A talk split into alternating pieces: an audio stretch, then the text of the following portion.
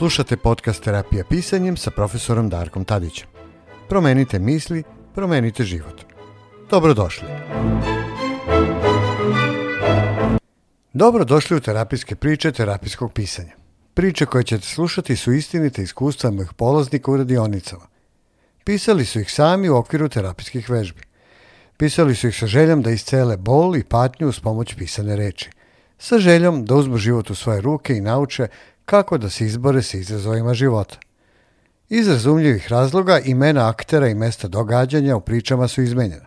Sve ostalo je život onako kako se zaista desio.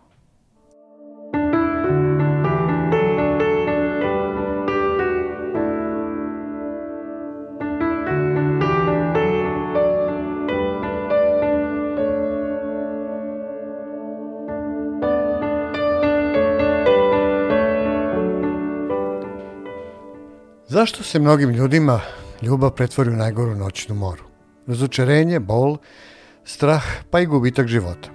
Da li živimo u svetu iluzija ili za to plaćamo visoku cenu? Nasilje u partnerskim odnosima u modernom svetu poprima, nažalost, alarmantne razmere. Čovek je čoveku vuk i to ovde ima svoje puno značenje, nažalost. I da li ljubav kao takva, plemenita, uzvišena, uopšte postoji? Ili postoji samo za neke? U moju online radionicu jednog dana ušetala je visoka zgodna crnka zelenih očiju, Milena, 29 godina zaposlena iz Beograda. Nasmejala se samo jedan put. Saslušala je zadatak vežbe i počela je sa pisanjem.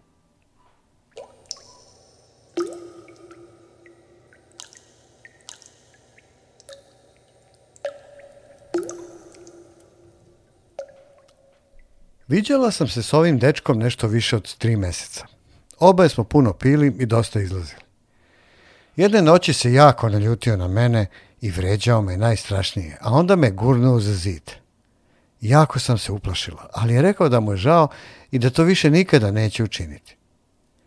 Druge noći je želeo da vodi ljubav i zamolila sam ga da stavi kondom. Rekao je da ga nema. Zamolila sam ga da prestane, a on nije hteo i rekao je da nije važno da ne brinem o tome. U početku sam se smejala jer sam mislila da se šali, ali onda sam shvatila da je ozbiljan i uplašila sam se. Rekla sam mu da stane, ali on nije hteo. I odgurnula sam ga. Ali on me gurnuo nazad i prikovao me svojim telom. Bio je veoma jak i silovao me. Bila sam zlostavljena kao dete i rekla sam mu o tome. Već sam bila veoma depresivna i posekla sam se po telu više puta do tada. Stvari su postale jako loše nakon silovanja. Pokušala sam da se ubijem. Mislila sam da sam samo jako želela da se posečem i posekla sam se previše duboko. Morali su hitno da me odvezu u bolnicu.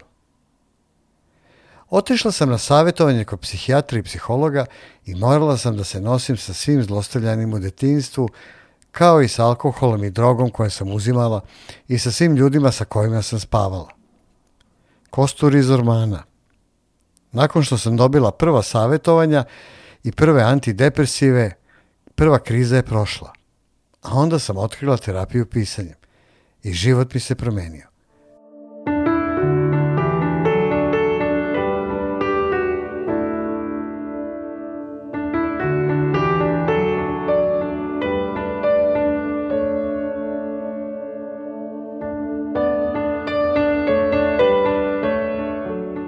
Videla sam kako stoje stvari i kako mogu uspešno da se nosim sa tim. Počela sam da volim i da negujem sebe. Zlostavljanje neće biti bolje ako ništa ne učinite. Samo se pogoršava. Moraš biti sam sebi prijatelj. Morate imati samilost prema sebi. Morate oprostiti sebi. Vi zaslužujete bolje. Vi ste dragoceno ljudsko biće i zaslužujete da se prema vama postupa s poštovanjem. I nikada nemojte odustati. Nemojte se povrediti. Držite se, niste sami. I budite sami sebi najbolji terapeut. Jer ko će bolje da vas razume nego vi sami sebe.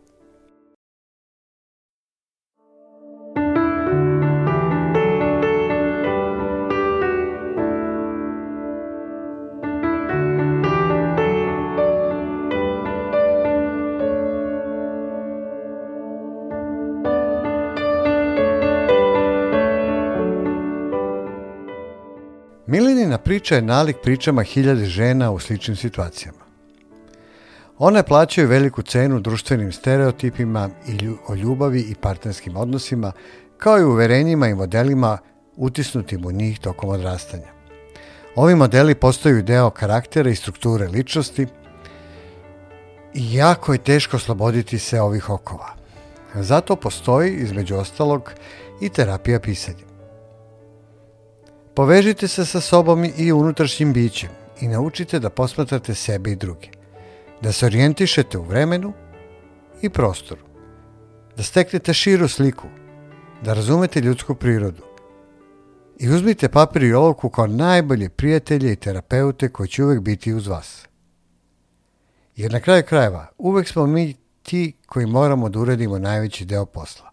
Bez obzira kojim putem stignemo do tog saznanja. Da živimo sobstveni život. Milenu ste čuli. Do slušanja.